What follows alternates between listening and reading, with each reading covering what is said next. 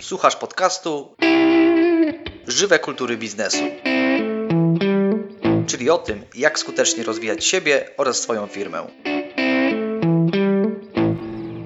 Sezon pierwszy, odcinek dziewiąty. Jak szybko i bezpiecznie sprzedać nieruchomość.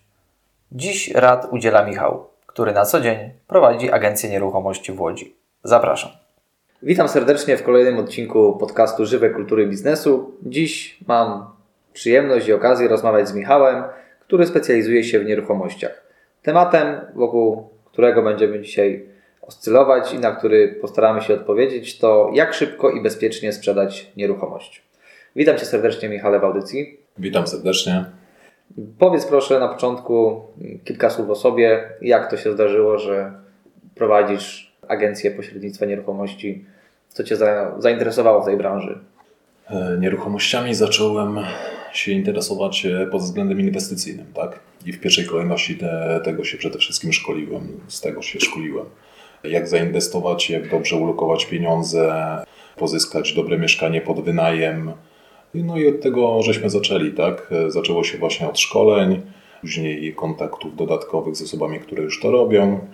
I konsekwentnie w związku z tym, że coraz więcej rzeczy i tak musieliśmy wiedzieć, bo coraz więcej rzeczy wynikało w związku ze współpracą z najemcami, z właścicielami mieszkań, postanowiliśmy, że będziemy mocniej jednak wchodzić w tą branżę. W związku z tym otworzyliśmy właśnie biuro nieruchomości. No i to tak, tak, mhm, taka, mhm. taka historia. I od dawna już y, działasz tutaj w tej branży?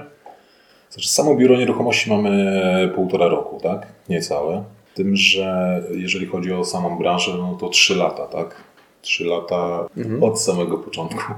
Okej. Okay. No dobrze, tutaj teraz wracając do tego naszego głównego tematu. Ja jako potencjalna osoba, która chce sprzedać nieruchomość, od czego powinienem zacząć? Jakie są te pierwsze kroki po tym, gdy podjąłem decyzję, że tak, sprzedaję nieruchomość? Przede wszystkim trzeba być naprawdę zdecydowanym, tak? Bo chociaż ludzie podejmują decyzję, to okazuje się, że ciężko mi się z tym mieszkaniem rozstać, tak? Trzeba rozstać się z nim przede wszystkim mentalnie. To jest pierwsza rzecz. Druga, zorientować się w ogóle w rynku. Ludzie nie orientują się w rynku, nie wiedzą, co się dzieje w danym momencie. Bardzo często na przykład zawyżają cenę.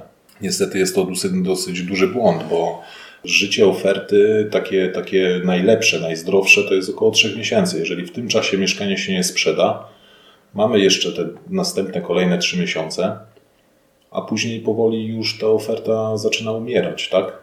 Czyli to jest podejrzewam taki sygnał, że no skoro się nie sprzedała w ciągu tych trzech miesięcy, to coś jest nie tak, na przykład albo z ofertą, albo z ceną. Dokładnie. E, często jest tak, że ludzie wystawiają drożej, bo wydaje im się, że klient gdzieś tam się znajdzie, oprócz tego będzie klient negocjował. Oczywiście, tak, są klienci, którzy mocno negocjują, ale są też klienci, którzy nie są na to gotowi. Na przykład młode małżeństwa, tak, młodzi ludzie, którzy wchodzą dopiero w życie i oni nie są przygotowani na to, że jak idą oglądać nieruchomość, to wiadomo, że trzeba tą cenę zbić. To jest jedna rzecz. Druga rzecz, jeżeli określimy tą cenę jak najbardziej realnie, blisko ceny transakcyjnej, bo ceny ofertowe w ogłoszeniach to, to jest jedno, a cena transakcyjna to jest drugie, tak?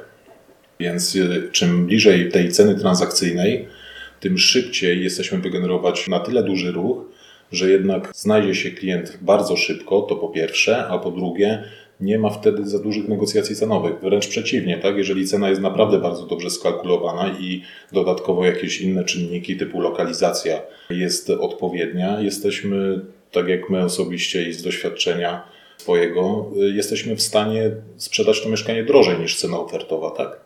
Jest to możliwe. Jasne. Tak dopytam jeszcze, czy można potraktować cenę transakcyjną jako tą, którą jest w stanie zapłacić potencjalny klient? Tak, e, ja wiem, że klientowi, który dopiero podchodzi do, do tematu, ciężko jest znaleźć w ogóle cenę transakcyjną na rynku, tak? No bo tego oficjalnie nikt e, no nie publikuje, tak? Opieramy się na bazach, e, z których my pracujemy. Oprócz tego mamy, współpracujemy z rzeczoznawcami, Dzięki nim e, mamy, mamy jakieś informacje o cenach transakcyjnych. No, to dodatkowo mamy swoje ceny transakcyjne, tak? Wiemy za ile sprzedaliśmy, jakie mieszkanie, w jakim stanie, w jakiej lokalizacji. No to jest bardzo duży plus, tak? Ale prawda jest taka, że no, ta cena transakcyjna no niestety rynek mamy taki, jaki mamy. Niestety spadają ceny u nas, jeżeli chodzi o łódzki rynek. Jest jednym z najtańszych rynków w Polsce, ale jest bardzo dynamiczny i jeżeli cenę dobrze skalkulujemy, jesteśmy w stanie naprawdę dobre pieniądze wziąć. Mhm. Błędem ludzi jest to, że zawyżają tą cenę, oferta w zasadzie umiera. Często ci ludzie już decydują się, no dobrze, nie sprzedało się w tej cenie, no to zejdę jeszcze z ceny, schodzą, ale więcej niż, niż standardowo. Lub też przychodzi klient i mówi: OK, jest w stanie kupić, ale za o wiele większe, niższe pieniądze, tak? I ci ludzie wbrew pozorom sprzedają taniej niż z dobrym pośrednikiem. Tak? I to wiemy, wiemy po prostu z doświadczenia, jak to wygląda, bo wiemy w danej lokalizacji, kto sprzedał e, sam i jakie, jaką, jakie pieniądze ceny transakcyjnej uzyskał, a wiemy, jak my to zrobiliśmy. Tak? tak naprawdę, oczywiście ciężko mi udowodnić to, że jesteśmy w stanie sprzedać drożej, bo musielibyśmy identyczne mieszkania w identycznym czasie ustawić, tak, identycznych klientów. No nie ma takiej możliwości, musielibyśmy nagiąć czasoprzestrzeń, no jeszcze, jeszcze tego nie potrafimy, tak? ale wbrew pozorom jesteśmy w tym momencie y, z naszych statystyk wynika, porównując y, się do, do tego, co się dzieje na rynku, że jesteśmy w stanie osiągnąć jedne z najwyższych cen na rynku, tak? Przynajmniej nasze biuro. Poprzez odpowiednie właśnie działania, odpowiednie podejście od razu do tematu. Ja wiem, że też często ludzie mają problem z tym, jak sprzeda się coś naprawdę szybko, tak? Bo myślą, że mogliby jeszcze uzyskać jednak wyższą cenę. To też nie jest do końca tak i to też żeśmy testowali. Zresztą no, to była decyzja klienta naszego, który chciał jednak z tą ceną powalczyć i okazało się, że docelowo e, Mieliśmy już kilka takich przypadków, że docelowo sprzedaliśmy te mieszkania o wiele taniej niż mieliśmy pierwsze oferty na początku współpracy. Tak? Myślę, że tutaj też dochodzi właśnie taki aspekt typowo psychologiczny, tak, że to, co wspominałeś, Michale, że na początku jest osoba prywatna wystawia na sprzedaż nieruchomość za jakąś tam wyższą niż cenę rynkową, czy tam tą transakcyjną, a później widząc, że no nie ma tych ofert, gdy pojawia się jakikolwiek oferent, no to wtedy chce jak najszybciej sprzedać i pozbyć się tej nieruchomości, bo no, być może już się kolejny nie trafi, tak? I wtedy faktycznie ta cena mocno zjeżdża. Dokładnie, bo tak to właśnie wygląda, tak? Zainteresowanie jest na początku.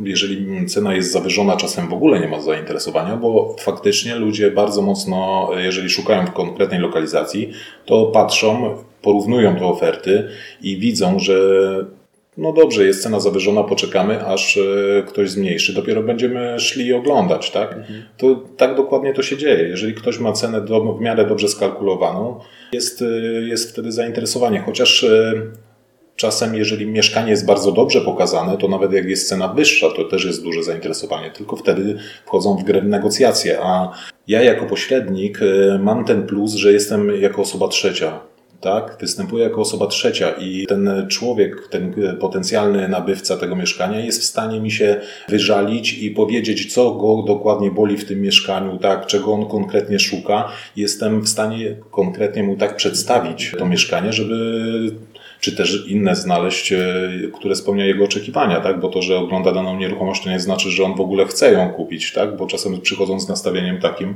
że, że nie chcą kupić, bo faktycznie lokalizacja mi nie odpowiada, ale ale bywa jednak, że przekonują się, tak, poprzez odpowiednie przygotowanie tego mieszkania, tak jak my to robimy, po tym praca z raportem homestagingowym, jednak ci klienci widzą, że to mieszkanie całkiem inaczej wygląda niż inne, tak, to mhm.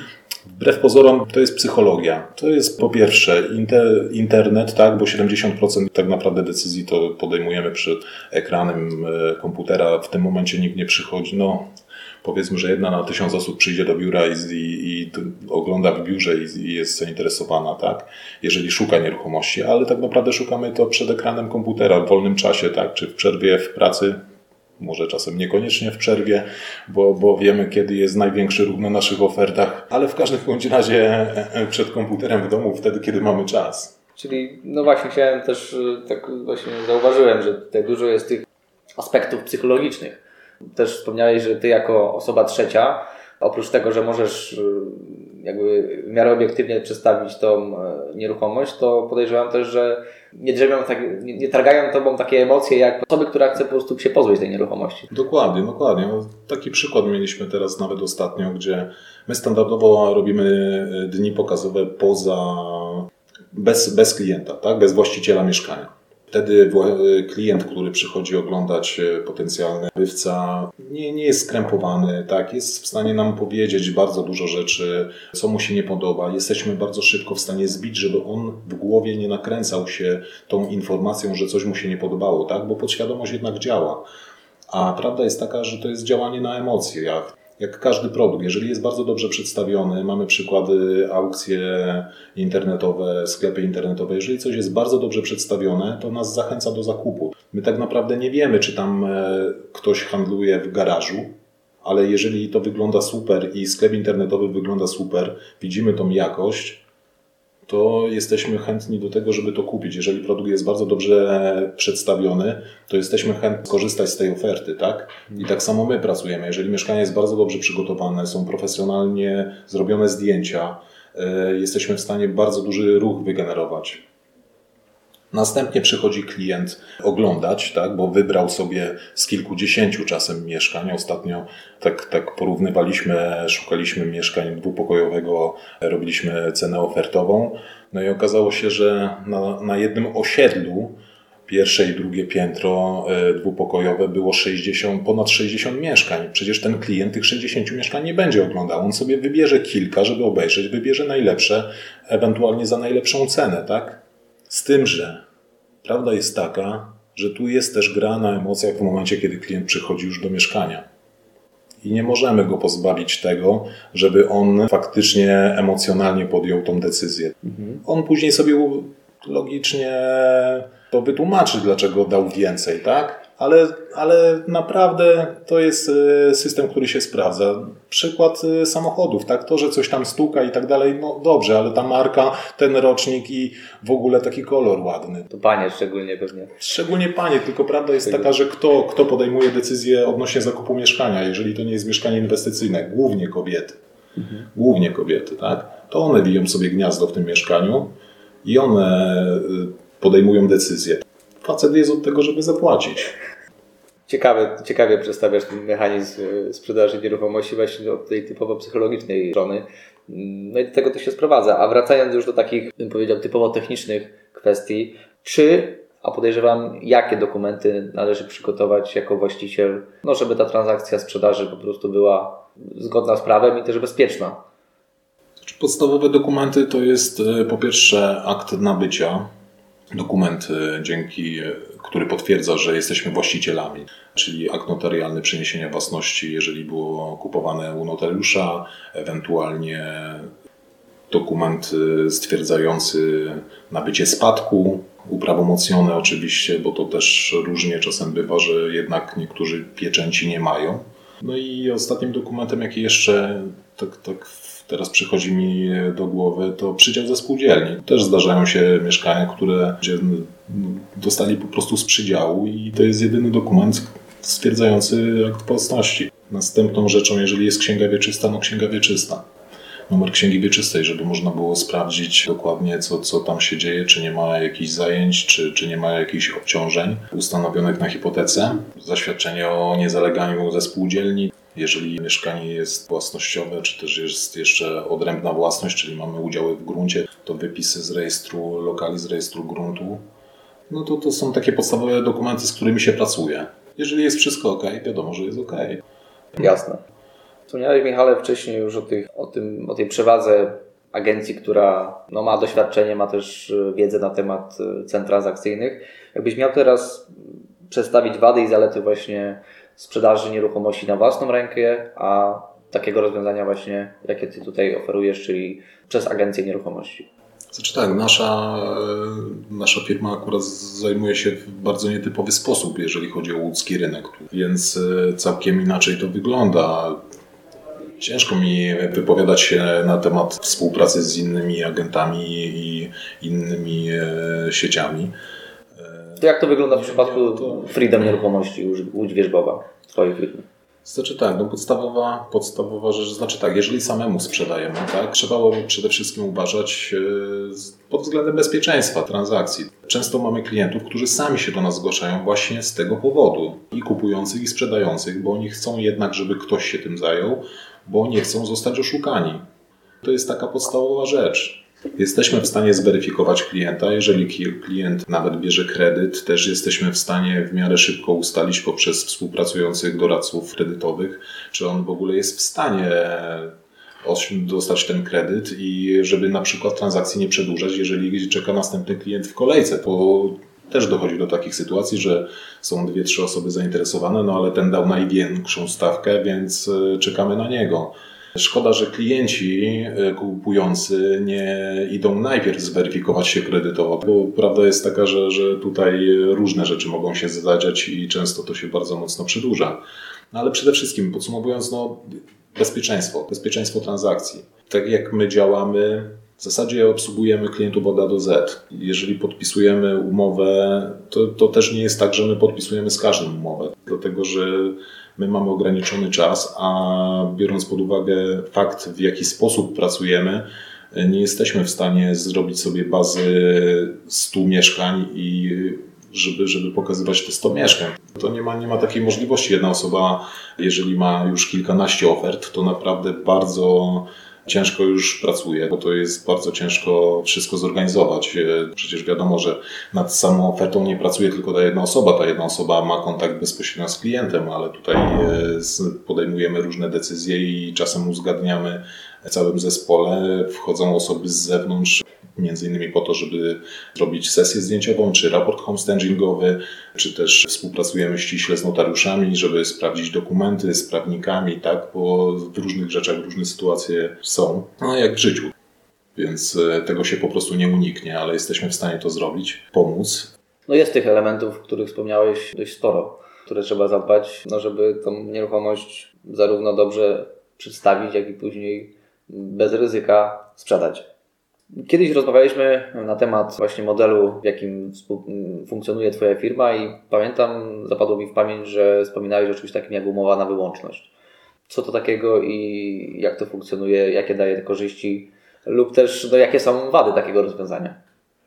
Może zacznę od wad, bo ja, jeżeli biorąc pod uwagę współpracę z nami, ja wad nie widzę. Z tego względu, że Wiem, jak pracujemy, wiem, jak moi doradcy pracują. Mamy polecenia, my głównie pracujemy z rekomendacji wbrew pozorom, więc y, gdyby gdybyśmy źle to robili, to nie mielibyśmy tych rekomendacji, ale wiadomo, że ciężko komuś zaufać. Ja naprawdę jestem w stanie postawić się na miejscu klienta i ja go rozumiem, bo jeżeli klient uważa, że jeżeli da nieruchomość udostępni w kilku biurach, to y, ma większe szanse na, na to, że, że to się sprzeda.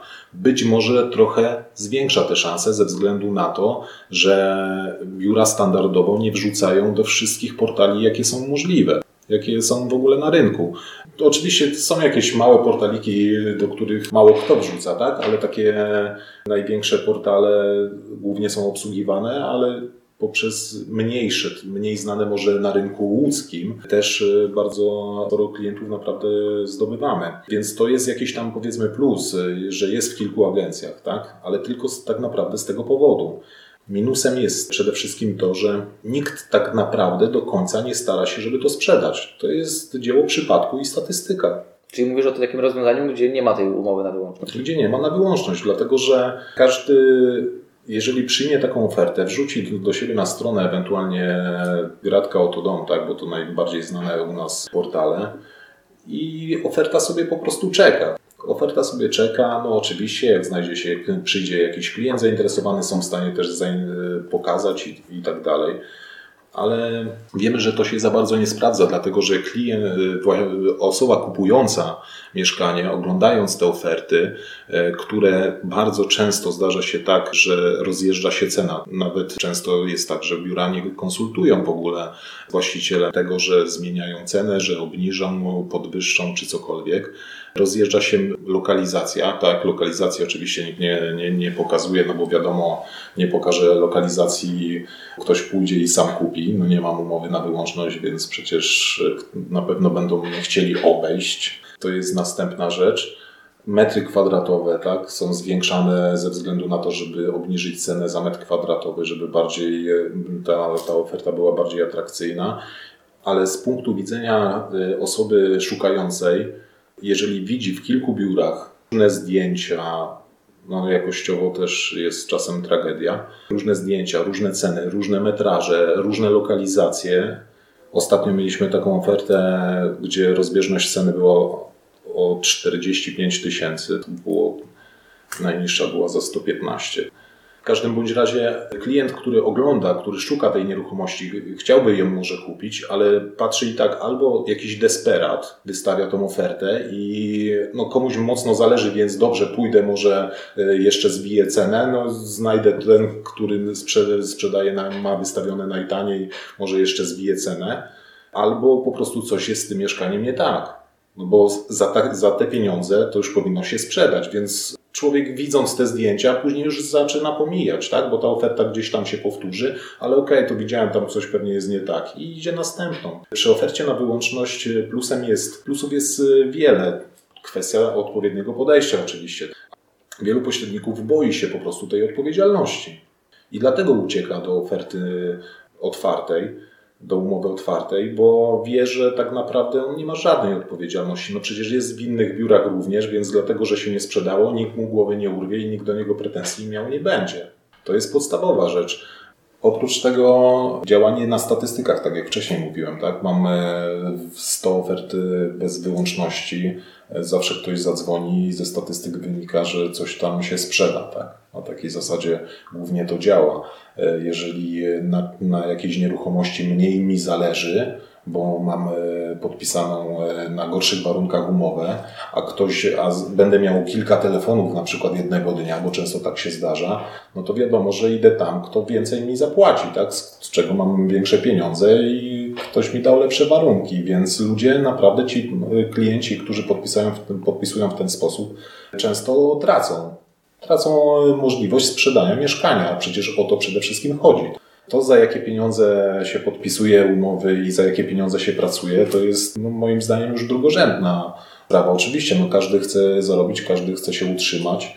Ja przynajmniej działam w ten sposób, żeby te relacje z klientem i żeby były jak najlepsze. Jeżeli do mnie zgłasza się inne biuro i chce mojej oferty zobaczyć, nie ma najmniejszego problemu. Tak? Ta wyłączność nie zamyka takiej drogi bo oferty, które my prezentujemy, mamy na 32 portalach. Więc wszędzie, gdzie mamy taką możliwość, te oferty są rzucane.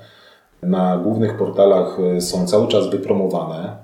No to też zależy, jaki tam plan marketingowy ustalimy, w jaki sposób są promowane. To też kwestia grupy docelowej, co chcemy osiągnąć i co, co klient potrzebuje przede wszystkim, bo to z nim trzeba ustalić, tak? Najpierw trzeba, musimy mieć od niego jak najwięcej informacji, ale plusem tego, że mamy tą ofertę w jednym miejscu, w bardzo dobrej jakości, odpowiednio spozycjonowanej, plusem tego wszystkiego jest to, że mamy informacje z całego rynku.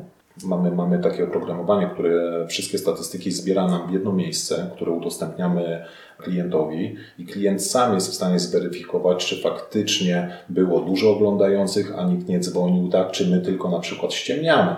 Ale mamy całą informację z całego rynku odnośnie danej, danej nieruchomości. Wiemy, ile było wejść, wiemy, ile było odsłon telefonów, zapytań mailowych. No nie zawsze to się dokładnie przekłada, bo czasem ktoś kliknie dwa razy raz w pracy, raz w domu, czasem się to zawyża.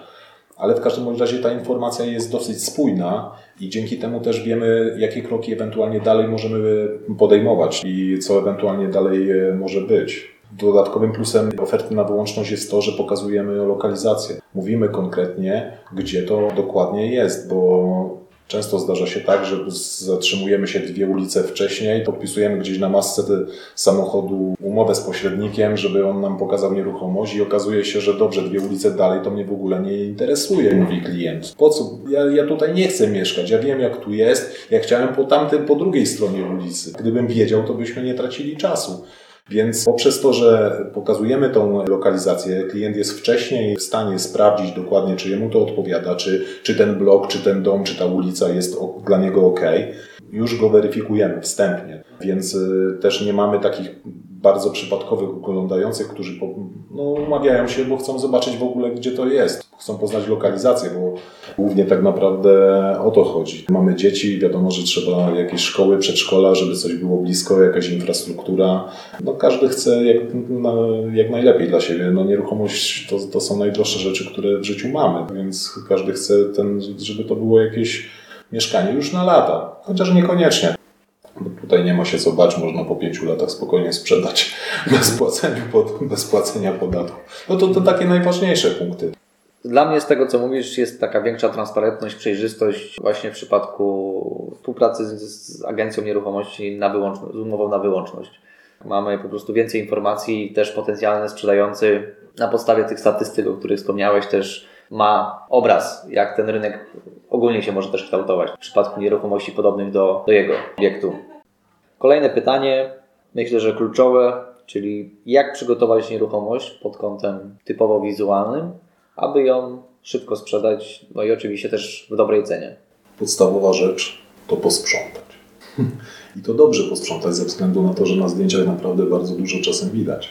To jest podstawowa rzecz. Bardzo dobrze jest odgracić to mieszkanie, bo często jesteśmy już przyzwyczajeni do tego, że dodatkowa szafa była postawiona szafka i inne takie rzeczy, ale musimy troszeczkę dać przestrzeni. Musimy, musimy dać, e, pokazać tą przestrzeń w tym mieszkaniu, że faktycznie tam jest się jak ruszyć. Bo czasem na naprawdę dużych metrażach okazuje się, że tam już się nic nie da zrobić w tym mieszkaniu i klienci widząc to, wchodząc na takie mieszkanie, no też tak to odbierają nie biorą pod uwagę tego, że tak naprawdę on nie będzie miał tych dwóch dodatkowych szaf, bo jemu to nie jest potrzebne, ale tak to odbierają.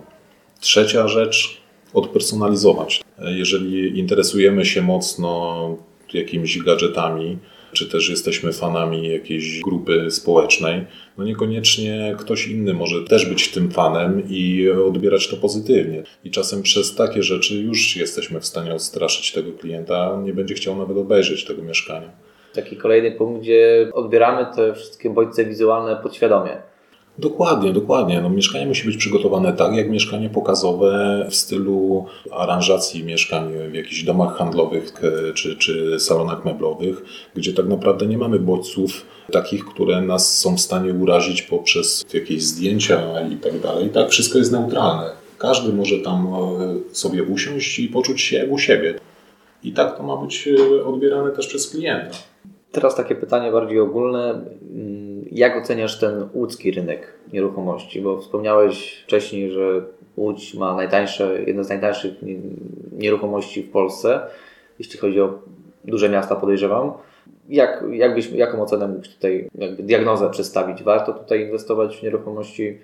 Czy w ogóle warto? Znaczy tak, jeżeli chodzi o inwestowanie, jak najbardziej, dlatego że jeżeli inwestycje pod wynajem, tak, bo głównie o takich się mówi, jest jak najbardziej, dlatego że siła nabycia tego mieszkania jest bardzo niska w stosunku do ceny, za które jesteśmy w stanie później przychodów, dochodów, tak, które jesteśmy w stanie później e, uzyskać z tego mieszkania. Świadkami tego, że bardzo dużo osób nawet z Warszawy tutaj inwestuje, dlatego że w Warszawie są w stanie osiągać do około powiedzmy 8% stopy zwrotu, co też już jest e, dużo, biorąc pod uwagę inne możliwości e, lokaty czy bankowe już w tym momencie po prostu odchodzą do lamusa, ale w Łodzi jesteśmy w stanie no, mieszkania, z którymi pracujemy, takie rekordowe to 14% w tym momencie w skali roku, więc ta stopa zwrotu jest dosyć dobra tak jak wcześniej wspomniałem, jesteśmy tanio, e, w stanie tanio kupić, a e, wynajem jest niedużo mniejszy niż w Warszawie.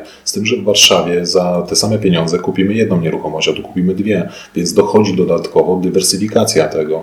Gdybyśmy musieli nam, nam, nagle coś spieniężyć, to na pewno łatwiej nam jest raz, że po, pozbędziemy się tylko jakiejś części, a coś reszta będzie nam pracować, a dwa, jesteśmy w stanie w miarę szybko też e, to upłynnić ze względu na to, że ta cena jest niższa. Klientów jednak jest sporo. No, wbrew pozorom nasz rynek jest dynamicznym rynkiem. Jest bardzo dużo ofert na rynku i niestety przybywa. Niestety przybywa, co, co nie jest plusem, no ale to tak naprawdę no jedziemy na tym samym wózku z inwestorami i, i z właścicielami, dlatego że no, moje wynagrodzenie też jest standardowo prowizyjne, więc dlatego też walczę o jak najwyższą cenę dla tego klienta i tak dalej, bo to też przekłada się na moje późniejsze dochody. Na koniec jeszcze chciałbym Cię, Michale, zapytać o funkcjonowanie w grupie networkingowej tutaj w Łodzi, w takiej grupie jak BNI. Powiedz kilka słów o tym, jak funkcjonujesz w takiej grupie i biznesowo oczywiście. Czy ona Ci pomaga w jakiś sposób tutaj w rozwoju Twojej agencji? Jasne, że mi pomaga. Jest to naprawdę wspaniała rzecz i polecam wszystkim przedsiębiorcom, jeżeli tylko chcą się rozwijać oczywiście. Podstawowa rzecz to to, że nowe kontakty, nowe kontakty, nowe osoby. Wiadomo, że spotykamy się z różnymi ludźmi i różne, z różnymi potrzebami, więc jesteśmy w stanie dostosować też swoją ofertę. BNI działa w taki sposób, jakbyśmy mieli swoich przedstawicieli gdzieś na rynku rozrzuconych, więc jest to bardzo świetny system. Jesteśmy w stanie się polecać nawzajem i czerpać z tego po prostu korzyści. Na koniec jeszcze powiedz proszę, udzieliłeś tutaj wielu cennych wskazówek, za to Ci z góry dziękuję podczas naszego dzisiejszego wywiadu. Jakbyś mógł jeszcze powiedzieć, jak można się z Tobą skontaktować, gdyby ktoś miał więcej pytań albo po prostu no, chciałby, życzyłby sobie Twojej pomocy? Na pewno mailowo na freedom-nieruchomości.pl znaleźć oddział Łódź Wierzbowa. No, zawsze można też przyjść osobiście, z tym, że najlepiej wcześniej się umówić, ze względu na to, że to jest też dużo pracy w terenie, więc e, może akurat tutaj nie być odpowiedniej osoby na miejscu, żeby, żeby się spotkać, żeby porozmawiać, udzielić konkretnych informacji. Wierzbowa 21 w Łodzi oczywiście. Lub telefonicznie.